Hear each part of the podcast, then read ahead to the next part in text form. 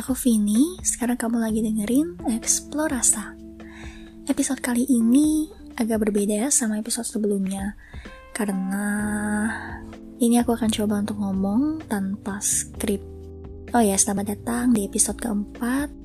Seharusnya episode 4 ini di-upload di tanggal 4 Desember, karena sesuai dengan challenge 30 hari bersuara yang aku ikuti, kita upload setiap hari. Tapi, meskipun aku udah bikin rencana, ternyata nggak semudah itu ya untuk konsisten menjalankan rencana yang udah dibuat. Jadi, aku udah bukan lihat liner lagi namanya, tapi udah melewati batas waktu yang harusnya diupload tanggal 4 Desember. Malah aku baru record di tanggal 5. Jadi, ya begitulah. Pas sekali karena memang di episode 4 ini temanya tentang rencana. Dan aku pengen ngelanjutin pembahasan tentang kebiasaan baru melanjutkan dari episode 2 kemarin. Kalau di episode 2 kemarin, aku udah ngomongin tentang gimana sih cara untuk memulai suatu kebiasaan baru karena biasanya kita tahu nih ada hal baik yang pengen kita lakukan tapi secara normalnya kita nggak secara otomatis kan tuh ngelakuin itu nah Kenapa gitu? Mungkin karena ya kita nggak termotivasi aja untuk ngelakuinnya. That's why di episode kedua saran yang aku kasih dan termasuk saran yang sedang berusaha aku terapkan juga nih ke diriku sendiri adalah start small. Mulai dari satu menit aja dulu. Paksa diri kita buat ngelakuin aktivitas atau habit itu selama satu menit. Sebenarnya nggak saklek satu menit sih, tapi lebih kepada konsep uh, mulailah dengan target yang kecil, yang mudah untuk kita penuhi, sehingga kita nggak punya banyak excuse gitu buat kayak ah males ah nggak pengen ngelakuin. Karena saat targetnya kecil, kita bisa mikir ya elah cuma satu menit doang, bisa lah bisa pasti bisa gitu, maksain diri satu menit, habis itu ya bebas kan mau lanjut atau enggak. Nah, prinsip ini yang sekarang lagi aku paksain juga ke diriku sendiri karena sejujurnya nih kondisi pas lagi record ini udah capek udah malam bahkan ini recordnya sambil tiduran jadi mohon maaf guys emang kualitas audionya mungkin agak parah ya tapi ya itu dengan memaksakan diri buat ngomong at least satu menit aja dulu Ternyata tanpa sadar aku udah ngomong 4 menit loh. Wow. Wow. Jadi aku pun sendiri masih belajar sih untuk ngelakuin apa yang aku omongin. Jadi aku share ke kamu juga bukan karena aku udah jago, bukan karena aku udah expert, tapi karena aku ngerasain struggle-nya jadi aku mencari cara buat diriku sendiri sebenarnya. Tapi daripada hanya aku keep buat sendiri doang, aku share juga siapa tahu kamu juga lagi ngalamin hal yang kurang lebih sama dan jadi ya bisa dapat ide juga gitu. Kalau ingat kita nggak sendirian, kita adalah manusia normal yang butuh usaha buat ngelakuin sesuatu kadang. Oke, okay. Tapi, oke okay lah, masalah motivasi bisa coba kita tackle dengan memaksa diri ngelakuin target yang kecil. Cuma pada kenyataannya, bisa banget buat namanya lupa, sehingga bikin kita tuh nggak konsisten untuk menjalani habits yang udah kita rencanain. Nah, di sinilah aku akan masuk ke pembahasan kita itu aku pengen ngomongin tentang bikin rencana untuk menjalankan habits baru. Karena saat kita nggak ngerencanain sesuatu, kadang mudah banget untuk hal itu tuh terlupakan, nggak jadi prioritas gitu kan. Dan itulah yang sebenarnya terjadi sama aku. Jadi aku akhirnya membaca-baca lagi, cari info lagi untuk menjawab pertanyaanku sendiri tentang gimana supaya bisa konsisten sama perubahan baru yang pengen kita jalani. Nah, di sinilah pentingnya untuk bikin rencana. Jadi, rencana ini akan jadi guidance kita untuk bertindak sehari-harinya. Nah, saat kita pengen bikin habits baru, maka hal pertama yang perlu kita lakuin adalah menetapkan goals atau tujuan yang pengen kita capai. Misalnya, aku sekarang punya tujuan untuk mengikuti 30 hari bersuara. Artinya, aku punya target untuk upload konten podcast tiap hari. Itu adalah tujuannya. Atau misalnya, kamu mungkin punya target seperti ingin makan buah dan sayur lebih banyak, atau target ingin berolahraga lebih banyak gitu ya, atau mungkin target-target lain. Tapi apa sih kita perlu memikirkan dulu apa sih hal yang pengen kita capai? Kondisi idealnya tuh gimana gitu ya.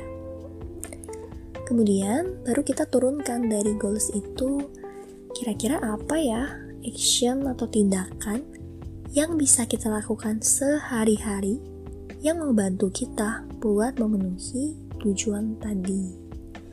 Gak hanya menentukan actionnya, tapi menentukan konteks atau cues yang mau di kita asosiasikan dengan tindakan ini. Untuk membantu kita bisa secara otomatis melakukan suatu hal, maka akan lebih mudah kita tuh mengasosiasikan tindakan itu dengan daily routine yang udah kita punya.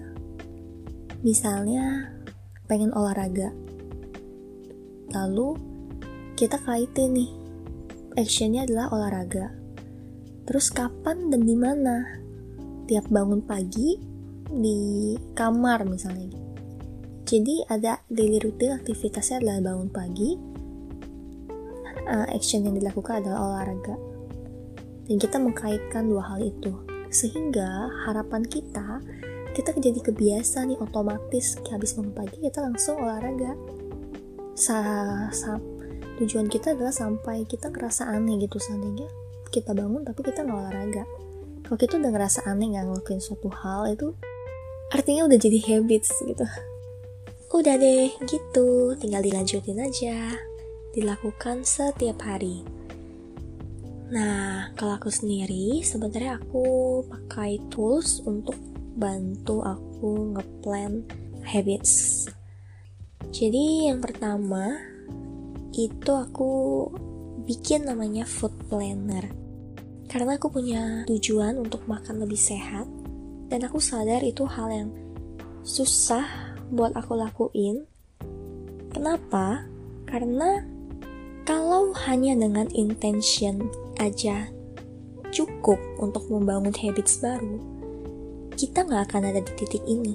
Di titik mencari tahu tentang habits kita nggak akan ada titik butuh effort. Karena pasti otomatis udah gampang gitu kan buat kita lakuin. Kalau dari intentions to actions itu semudah itu kita udah dari dulu kali bisa dengan mudahnya menjalankan niat-niat dalam hati kita iya nggak tapi pada kenyataannya gak semudah itu. Ada banyak faktor. Selain dari yang udah aku ceritain tentang motivasi, aku juga melihat ada faktor kemudahan. Jadi semakin mudah buat kita ngelakuin hal itu, maka semakin besar kemungkinan kita ngelakuinnya. Semakin sulit dilakukan, maka semakin kecil kemungkinan kita melakukannya. Tingkat kemudahan ini pertama bisa kita lakukan dengan set target yang lebih mudah. Ini sama dengan episode 2 yang udah aku bahas di awal. Tapi ada cara lainnya, yaitu adalah dengan menciptakan environment yang mendukung kita untuk ngelakuin hal itu. Contoh, misalnya aku pengen meningkatkan konsumsi buah dan sayurku setiap hari. Tapi kalau yang tiap hari ada di atas meja aku itu adalah yang lebih nggak sehat, sementara buahnya aku taruh di kulkas dalam kondisi masih dikantongin dan belum dikupas, maka secara effort akan lebih gampang buat aku makan snack yang ada di atas meja, yang tinggal buka dan makan, daripada makan buah, karena makan buahnya masih perlu perjalanan panjang dan susah gitu kan. Makanya aku pernah dengar ada orang yang misalnya targetnya adalah lari pagi setiap hari. Dan yang dia lakukan adalah dia taruh sepatu olahraga di bawah tempat tidurnya. Dengan harapan tiap dia bangun itu dia tinggal tinggal lompat kali ya dari tempat tidur langsung masukin kaki ke sepatu siap lari jadi mendekatkan hal-hal yang memudahkan kita untuk ngelakuin action yang mengarah pada tujuan kita ini sebenarnya memang trik yang dilakukan sih untuk memodifikasi perilaku. Dengan aku membuat food planner, itu aku mempermudah diriku sendiri juga. Jadi aku udah bikin weekly planner, aku udah mengarang-arang kira-kira seminggu itu aku akan makan menu apa, kalau pesan aku pesan di mana, sehingga waktu di hari hanya aku nggak butuh banyak effort lagi untuk mikir di kondisi lapar. Karena biasa kalau udah lapar itu apa ya susah free will tuh rasanya kurang berdaya. Rasanya pengen langsung aja pesan yang enak udah nggak peduli lagi sama target untuk makan sehat. Selain food planner aku juga membuat habit tracker. Jadi sebenarnya aku cuma bikin di buku jurnal gitu sih. Cuman bikin titik-titik yang melambangkan tiap hari. Lalu kalau misalnya hari itu aku udah berhasil melakukan habits yang aku inginkan aku bakal buletin titiknya itu seperti ngebuletin jawaban di lembar jawab pas UN kita nah sebenarnya habits tracker ini macam-macam bentuknya bahkan ada juga aplikasi yang bisa kita download di HP untuk ngetrack kebiasaan kita. Dulu aku pernah pakai, tapi kayaknya cuma bertahan bentar. Dan sekarang pas aku bikin habit tracker di jurnal, itu aku lebih suka sih secara personal ya. Karena lebih seru aja gitu. Lebih enak aja buat aku dan ada sensasinya waktu ngelingkerin ngelingkerin kayak satisfactionnya lebih tinggi jadi setiap kita uh, nyelesain satu habits kita asosiasikan dengan melakukan kegiatan satisfying yaitu ngebulet-buletin uh, ngelingkar-lingkar gitu ya. Jadi ada rewards tambahan. Rewards yang sangat sederhana tapi seneng sih ngelihat lingkaran-lingkaran hitam yang menandakan bahwa wah aku udah uh, wah udah sebanyak ini ternyata yang kulakukan. Meskipun gak menutup kemungkinan akan ada hari-hari yang skip. Sehingga akan ada yang kosong juga di habits tracker. Tapi kalaupun uh, kamu akhirnya memutuskan untuk bikin habits tracker juga uh, aku pengen berpesan aja. Jangan sampai kita malah fokus sama hari-hari yang kosong. Hari-hari di mana kita gagal istilahnya. Ngelakuin komitmen kita. Tapi appreciate lah hari-hari di mana kita udah berhasil. Jadi habits tracker itu bukan alat untuk ngejudge diri bukan alat untuk self criticize dan malah bikin down kalau ngelihat duh kalau misalnya ngelihat ada yang bolong dan mikir aduh parah banget sih lu Vin. Kok nggak bisa konsisten sih Vin bukan bukan buat kayak gitu tapi gunakanlah itu untuk menyemangati. Gunakanlah kotak-kotak yang kosong itu buat uh, motivasi kita lagi. Supaya nextnya di hari berikutnya kita bisa isi itu kita bisa lanjutin. Jadi sebagai reminder sih reminder dan evaluasi tapi nggak buat ngejatuhin diri sendiri. Itu. Ya ini mungkin juga bentuk aku ngerimain diriku ya tapi sampai sejauh ini aku senang sih dengan yang aku lakukan di habits tracker karena itu ngebantu dan menyenangkan. Nah nggak kerasa aku ngomongnya udah panjang lebar. Tanpa ngelihat skrip malah aku ngebacot mau mengingatkan kalau untuk kita memulai habits baru setelah kita mulai dapat motivasinya, kita ngelakuin dari hal kecil, kita juga bikin plan yang memudahkan kita untuk uh, benar-benar mengakses tindakan itu. Dan tetap track habits dan track performance kita, jadikan itu semangat karena perjalanan untuk membuat habits itu adalah perjalanan yang panjang. Gak bisa dalam satu dua hari kita ngelakuin tiba-tiba kita udah otomatis gitu meskipun ada pemahaman di luar sana bahwa untuk menjadikan sesuatu kebiasaan itu butuh 21 hari tapi dari artikel yang aku baca itu sebenarnya bisa lebih lama daripada itu. Rata-rata orang butuh sekitar 60-an hari atau sekitar 10 eh, minggu ya untuk sampai mereka bisa menjadikan satu aktivitas tuh hal yang otomatis mereka lakukan. Meskipun ini sebenarnya bervariasi dari 18 sampai 200-an hari.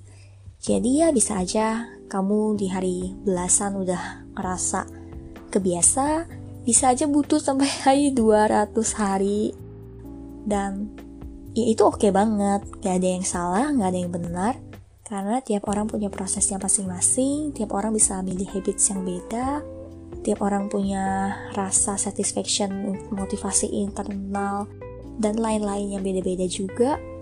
Mau sepanjang apa pun, menurutku nggak masalah sih, karena namanya juga kita pengen bikin habits, bahkan tujuan awalnya kita pengen ngelakuin aktivitas itu seumur hidup mungkin ya, kalau itu emang bagus, atau nggak dalam waktu panjang gitu. Jadi ya mungkin Gak akan seberarti itulah 60 hari dibanding kita punya habits yang baik selama bertahun-tahun ke depan.